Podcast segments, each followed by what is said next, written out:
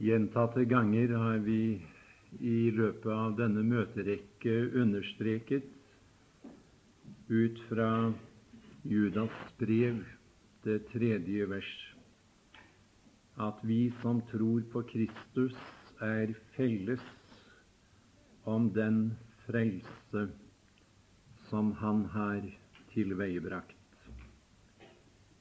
Jeg har sagt det flere ganger, og jeg vil også gjerne si det nå, spesielt for deres del som ikke har vært i våre møter tidligere. Det er slik at alle troende, hver enkelt av oss, har den samme del i denne frelse. Det er overhodet ingen forskjell på oss i så måte. Nå behøver vi vel ikke å lese det samme verset igjen, men eh, som allerede nevnt, dette uttrykket finnes i Judas brev og det tredje vers. Vår felles frelse. Vi har prøvd å se litt på at vi er frelst. Og vi har understreket igjen og igjen det lille, men meget betydningsfulle ordet er vi er frelst. Vi har sett litt på i hvilken utstrekning et troende menneske er frelst. Kan ikke ta tid til å repetere noe av det nå. Videre så vi, som vi i går aftes Vi prøvde å stanse litt for at vi blir frelst. Stadig, fortløpende, hver dag, til enhver tid. Vi blir frelst, bevart og det skjer ikke ved vårt liv, som vi her ble minnet om igjen. Men det skjer, sier Bibelen, og godt er det, ved Kristi liv i himmelen. Det er ved Hans liv og ved Hans virksomhet og tjeneste i himmelen i dag vi blir ført igjennom denne verden gjennom vanskeligheter, prøvelser, sorger og hva som enn må møte oss. Han skal være mann for å få de frelste hjem en dag. Jeg står her i takknemlighet til Herren med tanke på disse klare utsagn fra Skriften som jeg er blitt oppmerksom på, og som har gjort meg så usigelig godt. Jeg håper dette må sitte igjen fra møtene, og jeg håper at det kan bli til stor hjelp og velsignelse for de i hjemmene rundt om som jeg regner med får lytte til dette budskap, må det gå langt ut. I dag skal vi prøve å se litt på at den Herre Jesus eh, sier i Skriften at Han skal frelse oss en dag. Altså, vi er frelst, og vi blir frelst, og vi skal bli frelst. Og da vil jeg til å begynne med bare lese noen steder som taler om denne sak. Eh, vi kommer til å lese nokså meget i aften, og jeg håper at du har Bibelen for hånden. Vi har så lett for å glemme, vet du. Vi må prøve å få fatt på dette. Vi må prøve å huske det, ta det med oss hjem og grunne på det og fordype oss i det.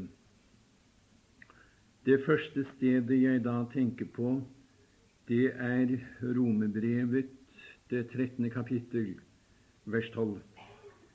Jeg skal bare ta med disse ordene som tydelig forteller oss at det er en frelse som venter de troende. Det heter der frelsen er oss nærmere nå enn den gang vi kom til troen. Vi kom til troen en dag, vi som hører Herren til, og vi ble frelst den dagen. Men her står at det er en frelse som venter oss, og den er oss nærmere nå enn den gang vi kom til troen. Og jeg tenkte på det i dag, i ettermiddag. Det gjorde meg godt. Jeg har aldri vært så nær den frelse som jeg er i dag. Det er bare tidsspørsmål, mine tilhørere, så langt jeg kan se. Så vil denne tredje akt i Kristi frelsesgjerning finne sted. Og vi skal se litt på hva det betyr etter hvert nå. La meg også minne om Filippensebrevet. Det kan hende vi kommer tilbake til det etter hvert. Men i det tredje kapittel og det tyvende vers, der står det at vi venter. Ja, hva er det vi venter? Hva er det vi ser frem til? Hva er det vi har for øye når det gjelder fremtiden?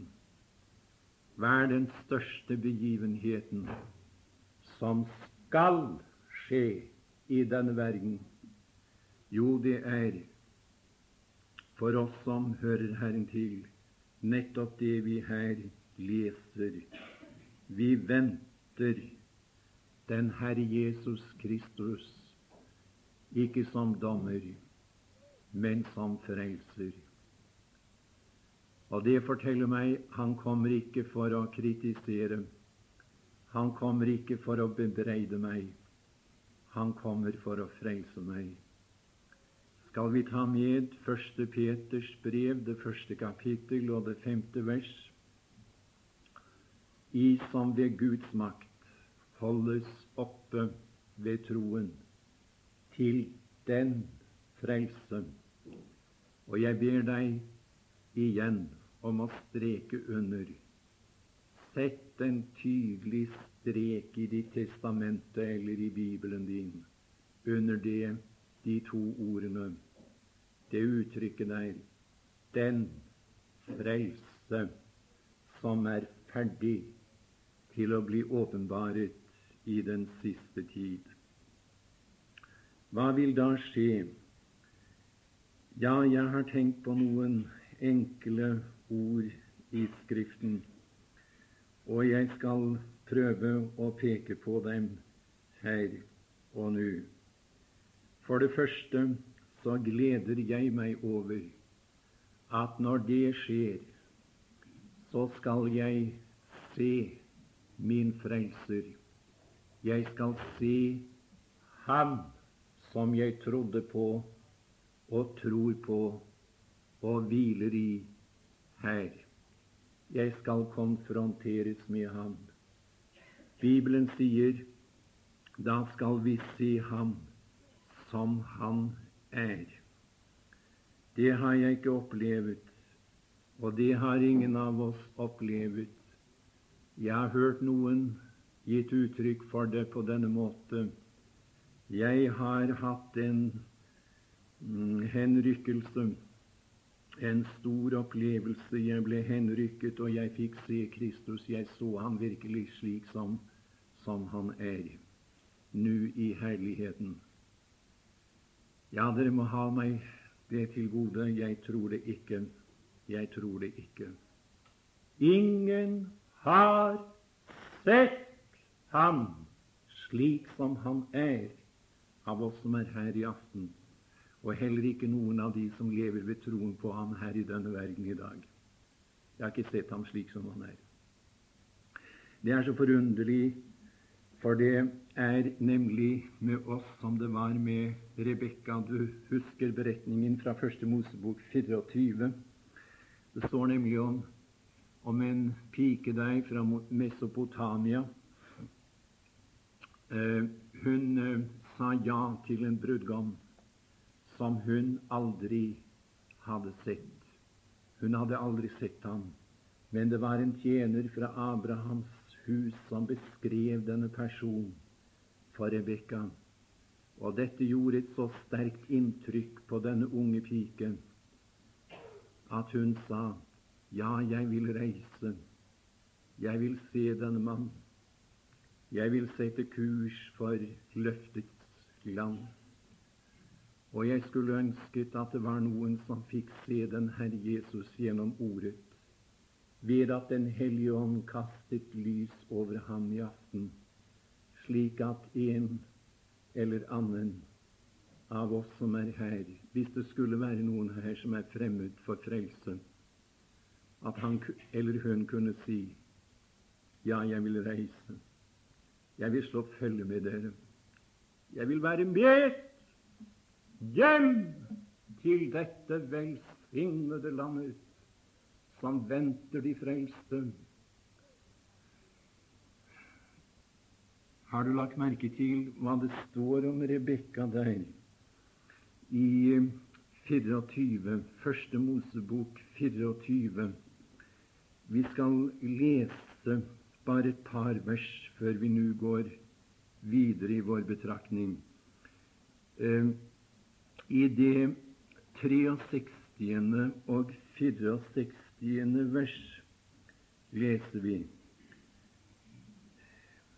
Ja, vi må ta med 65 også.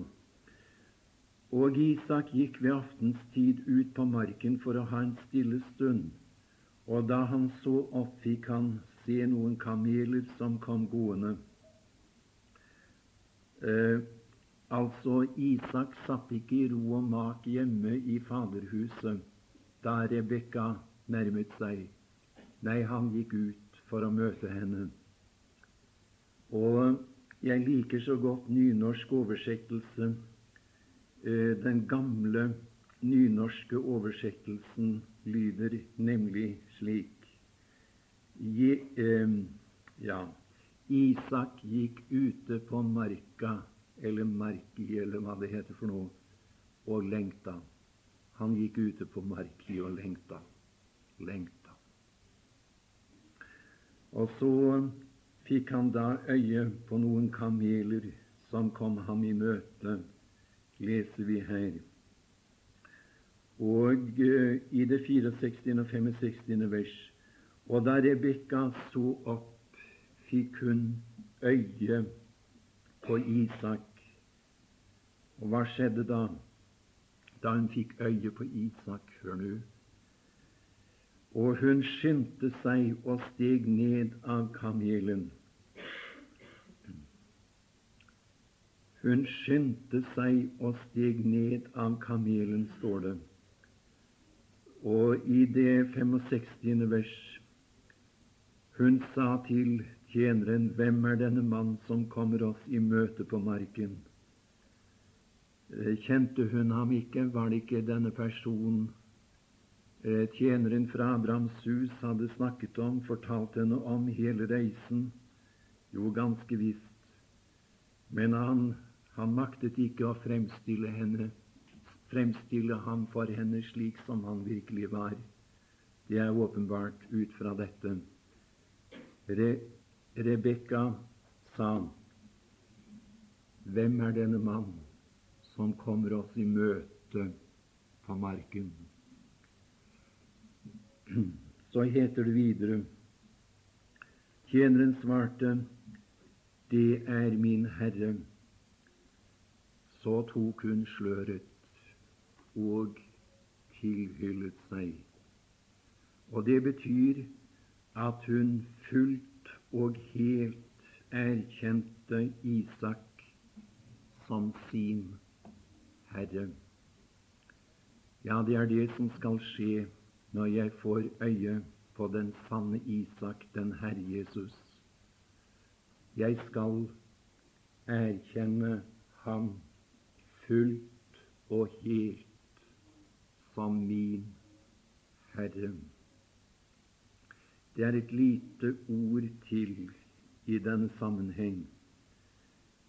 Det står i eh, første Testalonikerbrev, det fjerde kapittel, eh, at Herren selv skal komme ned fra himmelen, det er vers 16, med et bydende rop. Med et bydende rop. Det betyr at jeg skal høre Hans røst. Jeg skal høre Hans røst. Den samme stemme, den samme røst som uttalte disse ord på Golgata kors, det er fullbrakt. Jeg skal høre Hans røst. Han skal komme med et bydende rop. Og hva vil det si at han kommer med et bydende rop? Jeg tror vi har det illustrert på flere steder i evangeliene. Du husker at i Kristi jordeliv så demonstrerte han dette ganske klart. Det var tre tilfeller. Jeg skal her bare nevne ett av dem, nemlig det som vi leser i Johans evangelium, det ellevte kapittel og det 43. Eh, vers. Johannes evangelium og det ellevte kapittel, vers 43. Der står Og da han hadde sagt dette, ropte han med høy røst. Det var altså et bydende rop. Det var befalende. Hva var det han sa? Lasarus, Lasarus, kom ut. Kom ut! Og hva skjedde? Da kom Lasarus ut.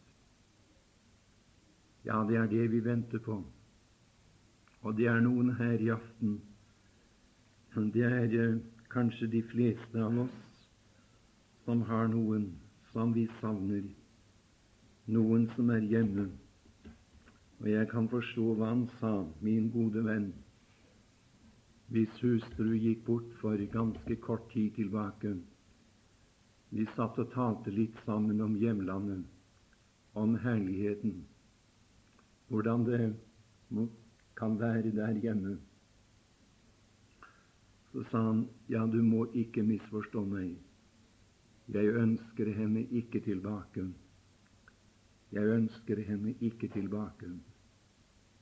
Jeg tror du ser på det på denne måte, du også. Det kommer en dag, mine tilhørere, da den Herre Jesus kommer ned til lufthimmelen. Jeg vet ikke hvor langt ned i atmosfæren han kommer, men det står han kommer ned til ikke stratosfæren, men til atmosfæren, til lufthimmelen. Og da skal han si, Lasarus, kom ut. Altså alle de troende, de frelste, som uh, har gått hjem når det gjelder deres ånd, deres sjel. Men hvis legemer er lagt i graven, han skal si 'kom ut'. Og så skal de komme ut. Så skal de komme frem i forvandlet skikkelse, ikke som de var her. Da skal de være ham like. Det heter da skal vi sammen med dem, sammen med dem. Jeg liker så godt det uttrykket der i første Tessalonike brev. Først står det 'sammen med ham'. Det er det fornemste. Det er det største. Og det er vel det første vi tenker på. Men der står videre Da skal vi som lever, som blir tilbake, sammen med dem rykkes. Rykkes! Det betyr egentlig gripe med makt, drive til seg med en plutselig, hastig bevegelse. Skal gå så hurtig. sammen med dem. Er det noen du tenker på? Ja, jeg tror det er. Det er noen jeg tenker på. Det er også noen av dem som sto på denne prekestol, og som forkynte Guds ord her i disse trakter på Karmøy, og som ga dere så meget, og som ga meg så meget. Vi skal møte dem. Sammen med dem, sa apostelen, inspirert av Guds ånd, da han skrev dette brevet til Tessalonika, eller til menigheten i Tessalonika, til disse sørgende. Dere skal ikke sørge som de som ikke har håp, for det er håp. Det er et salig håp, et levende håp. Sammen med dem rykkes i skyer opp i luften for å møte Herren. Vi skal se ham, sa jeg, men vi skal høre hans røst. Og det vil resultere i nettopp det vi her ser ut fra dette kapittel. Menigheten vil bli en samlet helhet og enhet. Eh, I det praktiske så er den splittet nå. Herrens bønn i Johans evangelium 17. kapittel er oppfylt. Vi er ett. Vi er ett. Vi er ett i Ham. Det er blitt en organisme, en enhet. Vi er forenet med Ham. Men, men når det gjelder det praktiske, når det gjelder livet vårt her nede, altså, da er det sørgelig splittet. Sørgelig splittet. Jeg gleder meg til den dagen jeg ser ham, jeg hører hans røst. Vi kalles sammen opp for å møte ham, og han fører oss inn i brudekammeret. Jeg gleder meg, for da skal det ikke være dissens når vi snakker sammen. Nei, skal ikke si jeg liker bedre å høre den predikanten der eller en annen. Nei da. Jeg er mer enig med henne enn med en annen. Skal vi være enige? Du kan være ganske viss på da skal vi være enige. Ja, det er det vi venter på. Og nå skal vi lese litt om hva Han skal frelse oss fra og til ved denne begivenheten. Frelse oss fra og til. Og vi henvender oss til Galaterbrevet, det første kapittel. Galaterbrevet kapittel 1. Og jeg leser der i det fjerde vers. Galaterbrevet, vers 4, kapittel 1. Han som ga seg selv for våre synder, for Altså, det var hensikten med at han ga seg selv for våre synder. For Der kommer det.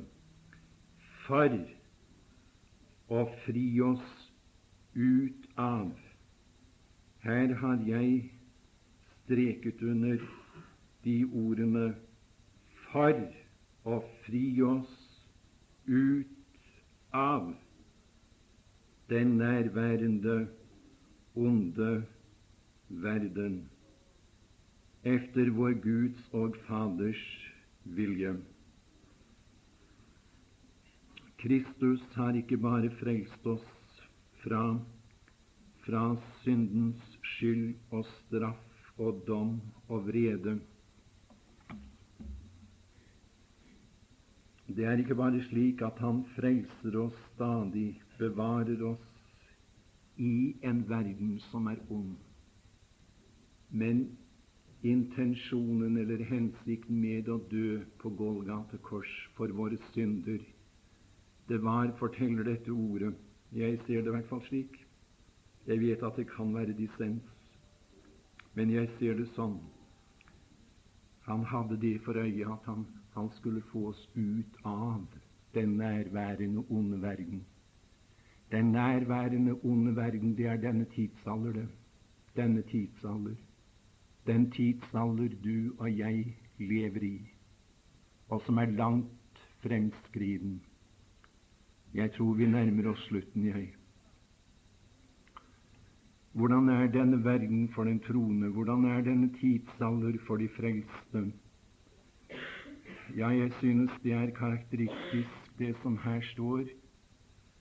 Eh, merk deg det uttrykket 'den nærværende onde verden'. For vi har erfart i at verden er ond. Vi lever i en ond verden. Vi eh, følger nu Kristus i forkastelsen, sier Bibelen. Han er forkastet. Jeg nevnte visst det at han er forkastet som konge i denne verden. Han er ikke menighetens konge, men han er Israels konge. Og en dag skal han herske som konge, nevnte jeg. Men han er en forkastet konge og en forkastet herre i denne verden. Og den som følger ham, må dele kår med ham i forkastelsen. Den Herre Jesus sa nemlig, Johans evangeliums 15. kapittel vers 20, har de forfulgt meg, så skal de også forfølge dere. Og jeg leste i dag fra 2. Timoteus brev, det tredje kapittel og det tyvende vers. Alle, hør nå, alle som vil leve gudfryktig i Kristus, hva med dem? de skal bli forfulgt. Det slår aldri feil. Bare prøv. Bare prøv å leve gudfryktig.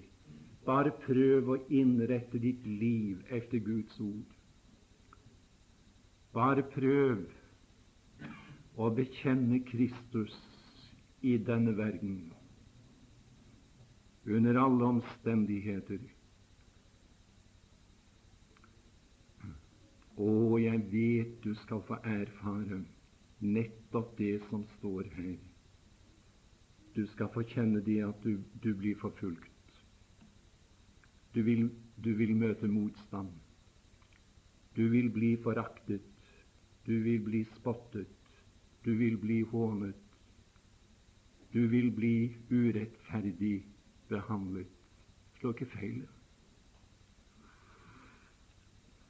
Men det som kanskje svir mest for en troende, det er når man møter urettferdig behandling eller erfarer urettferdig behandling fra de som bekjenner seg som troende. Jeg tror ikke det er noe som kan svi slik i et troende menneskes sinn. Og jeg vet at det er noen som har erfart det. Det er noen som er blitt baktalt. Det er noen som er blitt løyet på. Det var noen som for med usannheter bak ens rygg og kastet smuts på ens gode navn og rykte. Og så kom det fra de som bekjente seg som troende. Kanskje var frelst. Da er det vondt. Da smerter det. Ikke sant? Kanskje du har erfart det i særlig grad. Jeg vet ikke. Men jeg leste fra Ann Samuels bok i dag, og jeg vil gjerne ta med litt derfra i, fra Ann Samuels bok og det 16. kapittel. Det er en beretning i det 9. kapittel av Ann Samuels bok som er velkjent. Den er blitt meget preket over, den teksten, og jeg har selv talt over den mange, mange ganger. Jeg skal ikke komme inn på det nå. Bare nevne at der er omtalt en mann ved navn Mefiboset. Han hørte til Sauls hus, og det var fiendskapets hus. Og Mefiboset, han, han fikk eh, erfare i sitt liv at kongen på en spesiell måte, David på en spesiell måte, tok seg av ham. Eh, han var i en forkrøblet stilling, forfatning i denne verden. Han var lam i begge sine føtter. Kongen tok seg av ham, plasserte ham ved sitt bord, og han skulle være som en av kongens sønner, heter det. Men uh, det er ikke alt som står om Mefiboset. Uh, det står noe om ham i det 16. kapittelet av Annen Mosebok. Vil du slå opp der? Altså Annen Mosebok, Annen Samuels bok, unnskyld. I det 16. kapittel, og der i det tredje vers. Uh, Nå er kongen ute på reise. Han er ikke hjemme i Jerusalem nå. Han er ute og reiser. Og som sagt, Mefiboset han sitter der hvor kongen plasserte ham, i, i kongens palats. Han sitter der ved bordet. Så skjer det noe mens kongen er ute og reiser, og det er det vi leser om her. Du husker at det var Siba denne tjener i Sauls hus, som brakte Mefibose til kongens slott. Nå står det her Kongen sa, men hvor er din Herres sønn? Det var det, det var det, første han spurte om da han møtte eh, Siba der.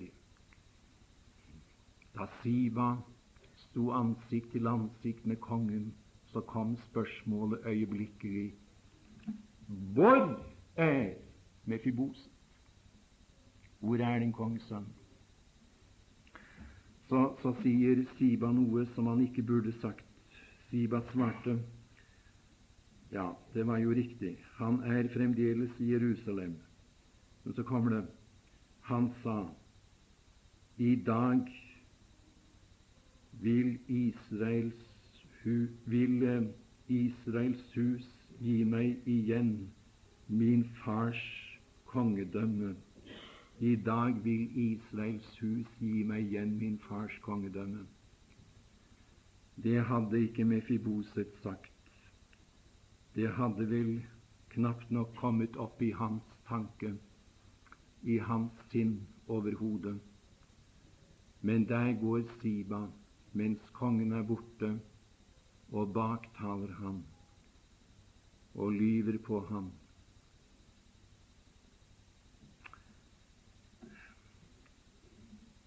Så står det i det fjerde vers Da sa kongen til Siba, du skal få alt det som Mefiboset har. Og Siba sa, jeg kaster meg til jorden. La meg finne nåde for min Herres for min Herre kommer kongens øyne. Så skal vi lese litt fra det 19. kapittel av samme bok. I det 15. vers av 2. Samuels bok, det 19. kapittel. Der står det Så ga kongen seg på tilbakeveien. Så ga kongen seg på tilbakeveien. Der kom en dag da kongen vendte tilbake. Og da møtte hans folk opp for å møte ham. Og blant dem som møtte opp der, var også Mefiboset. Vi leser i det 24. vers. Mefiboset, Sauls sønn, drog òg ned for å møte kongen. Han hadde ikke vasket sine føtter og ikke stelt sitt skjegg og ikke tvettet sine klær, like fra den dag kongen dro bort, til den dag han kom tilbake med fred. Vers 26.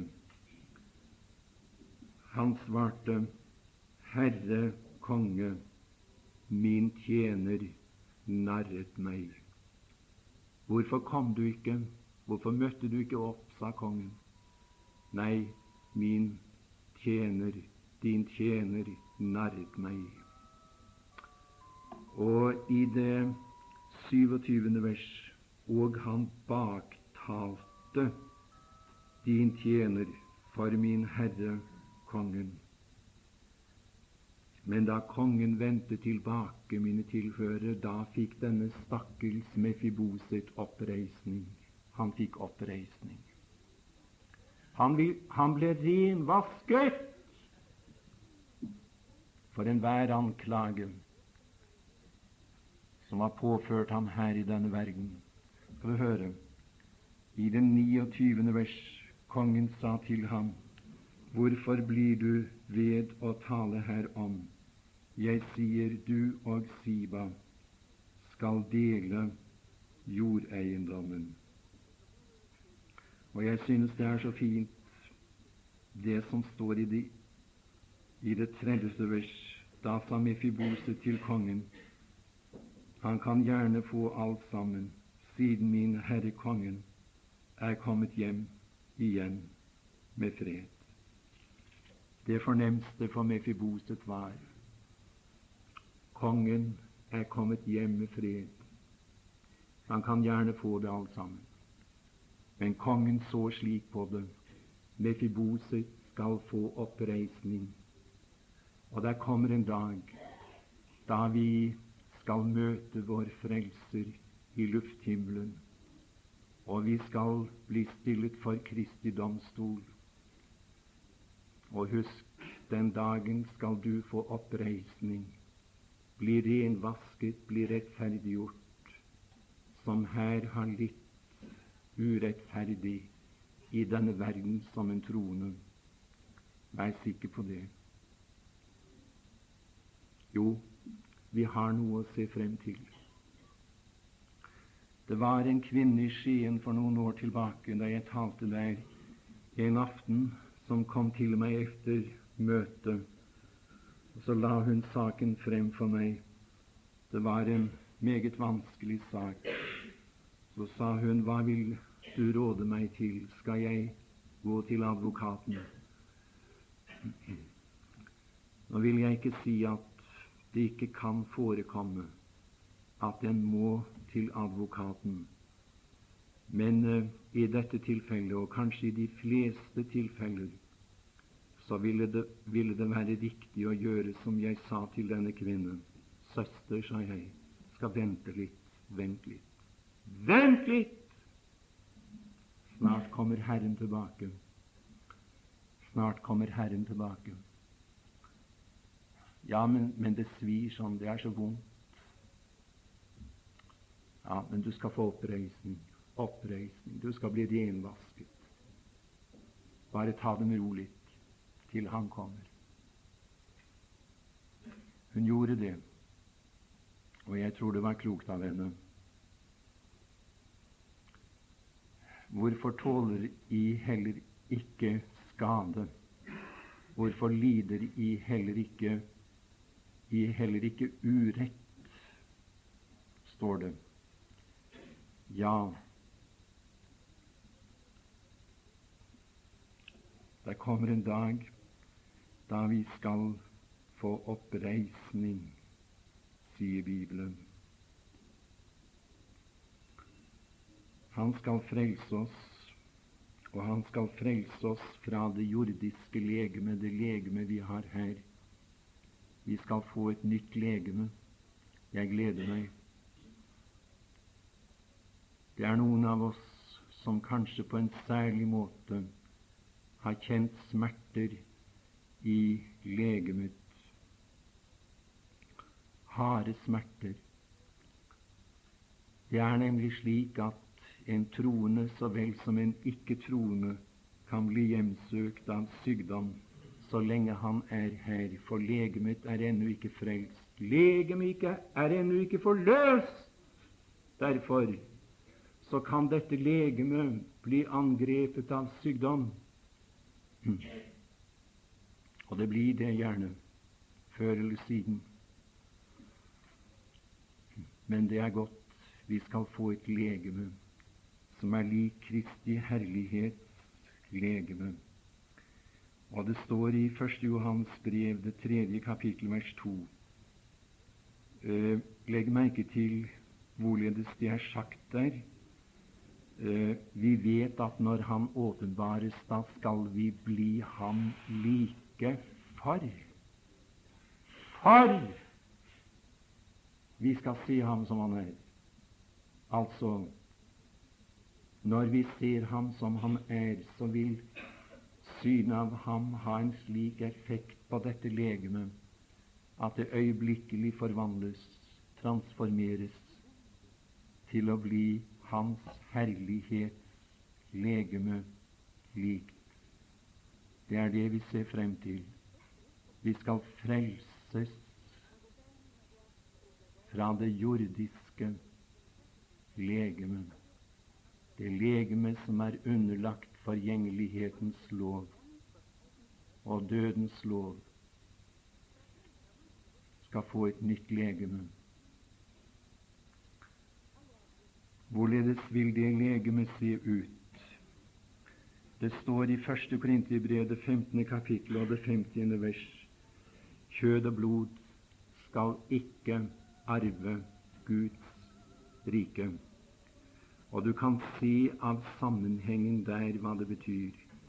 Kjød og blod skal ikke arve Guds rike. Det står om den Herre Jesus at han fikk del i kjød og blod i Hebrebrevets 2. kapittel vers 14.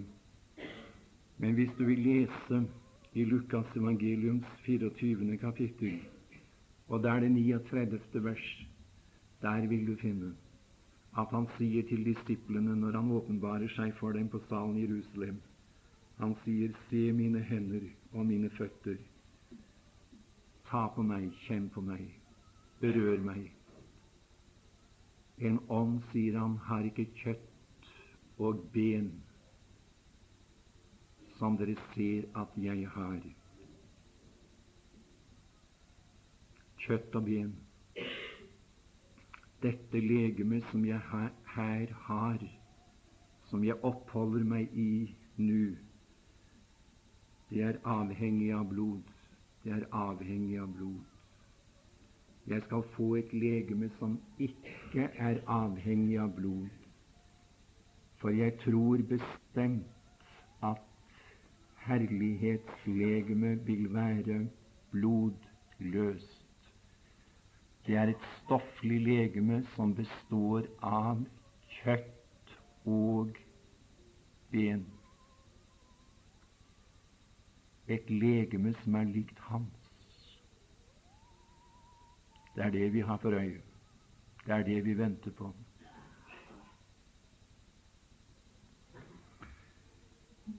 Jeg eh, besøkte et sted nede på Jæren. Det var forresten på Bryne for noen år siden. Var sammen med en meget original prest der, sogneprest Carl Torp. De fleste av dere vil vel i hvert fall kjenne navnet. En ganske interessant mann å være sammen med, vil jeg si. Meget, meget original type. Vi hadde møter i bedehuset, og om aftenen så hadde vi møtene i et stort telt der. I løpet av uken så ble det arrangert en tur rundt om på Jæren. Vi fikk se oss om på forskjellige steder. Og et av de stedene som vi besøkte, det var Nedlands, uh, Nedlandsheimen, er det vel det heter. Vi gikk omkring der. Bestyreren viste oss omkring. Og jeg må si at det var trist å se disse mennesker, relativt unge mennesker, hovedsakelig barn, var det vel, egentlig, se den forfatning de var i. De var eh, abnorme, sjelelig og legemlig. Så kom vi inn på et rom der hvor en liten gutt lå. Det ble oss fortalt at han var ni år gammel, var ganske forvridd. Skulle se den kroppen der, ganske forvridd. Ni år gammel, og det ble videre sagt han veide ni kilo. Så vidt jeg vet, så er det et normal, normalvekt på et ett års gammelt barn. Ni kilo. Ni år. Kan du prøve å forestille deg det legemet der?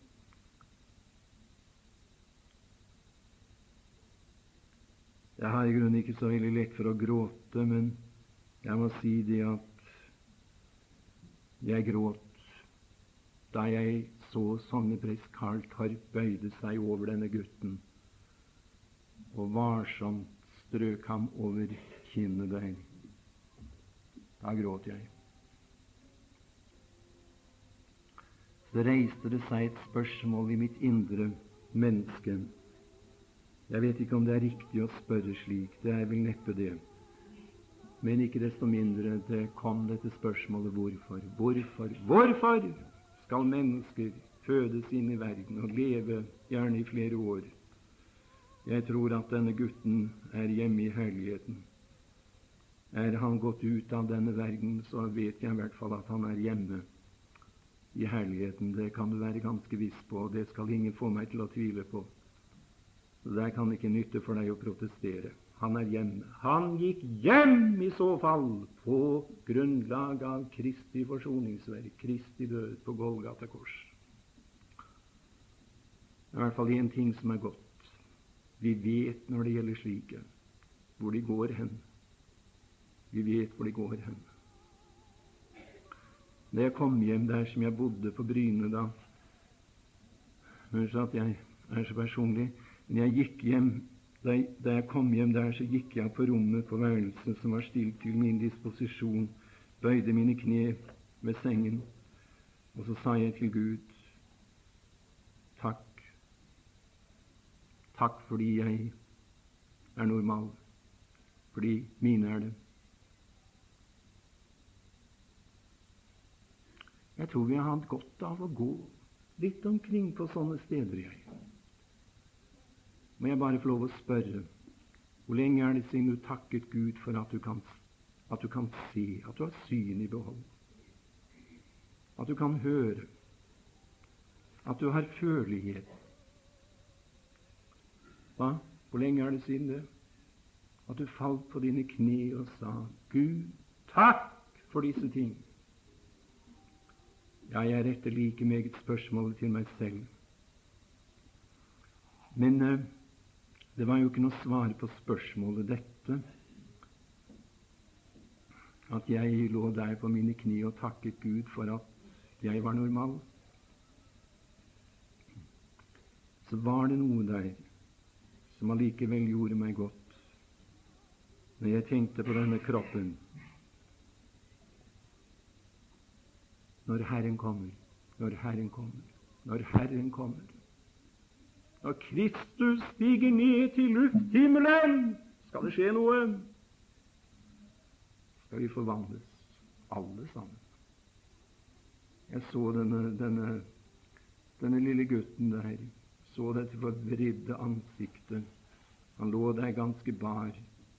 Han samler dette. Dette, dette forkrøblede legeme skal bli ham lik, skal bli vakker. Kristus lik, få et legeme som er lik Hans herlighetslegeme! Og hør nå det, er resultatet av, det vil bli resultatet av Golgata. Da er frelsen komplett! den frelse som vi alle har del i. Bli ham lik. Jeg har filosofert litt over det, men det, det, må jeg få lov å si at dette er bare noe jeg har tenkt. Jeg kan ikke stå inne for at det vil bli slik, men det ligger meg nær å tenke slik, i hvert fall. At kanskje Guds nådes herlighet i større grad vil bli åpenbar på en, på en sådan kropp enn på et naturlig legeme? Jeg vet ikke, jeg vet ikke. Jeg vet i hvert fall at alle slike, de skal bli Kristus lik en dag. Skal du bli Kristus lik? Hva? Er du frelst? Har du tatt imot denne frelse som vi her taler om? kan komme på dine kne her og nå. Og du kan gjerne rope 'be for meg'. Ingenting vil glede de frelste i Åkran i aften. Samtlige. Om vi, vi kan være uenige på mange punkter, der er vi i hvert fall enige. Vi vil glede og fryde oss og takke Gud sammen om vi fikk se noen på kne som ville ta imot denne frelse skal den få bli din frelse fra i. Ja, vi ber deg, vår Gud. Du har hørt hva vi har prøvd å si, hva vi har lest fra din bok. Og vi føler på at det er vanskelig å få sagt det slik som vi gjerne ville. Ja, vi kan overhodet ikke det så lenge vi er her. Og vi føler på at legemet ofte er en hindring, dette jordiske legemet men Herre, vi skal få et legeme, et åndelig legeme, et legeme som beherskes av Ånden, et legeme som vil være som vinger for min ånd. Og det står om dine at de i evigheten skal tjene deg. Du vet hva denne tjeneste skal gå ut på. Jeg vet det ikke. Men vi skal få noe å bestille når vi kommer hjem, når vi har fått herlighetslegemet. Herre, er det noen her som er fremmed for din elskede sønn, som ikke har lært ham å kjenne som sin personlige frelser? Vil du ta noe av det som jeg her har lest og sagt i aften, og det som har blitt sunget så klart? Vil du ta noe av det og plante det inn i sjelene, inn i hjertene, og utføre ditt under, frelsesunder. Amen.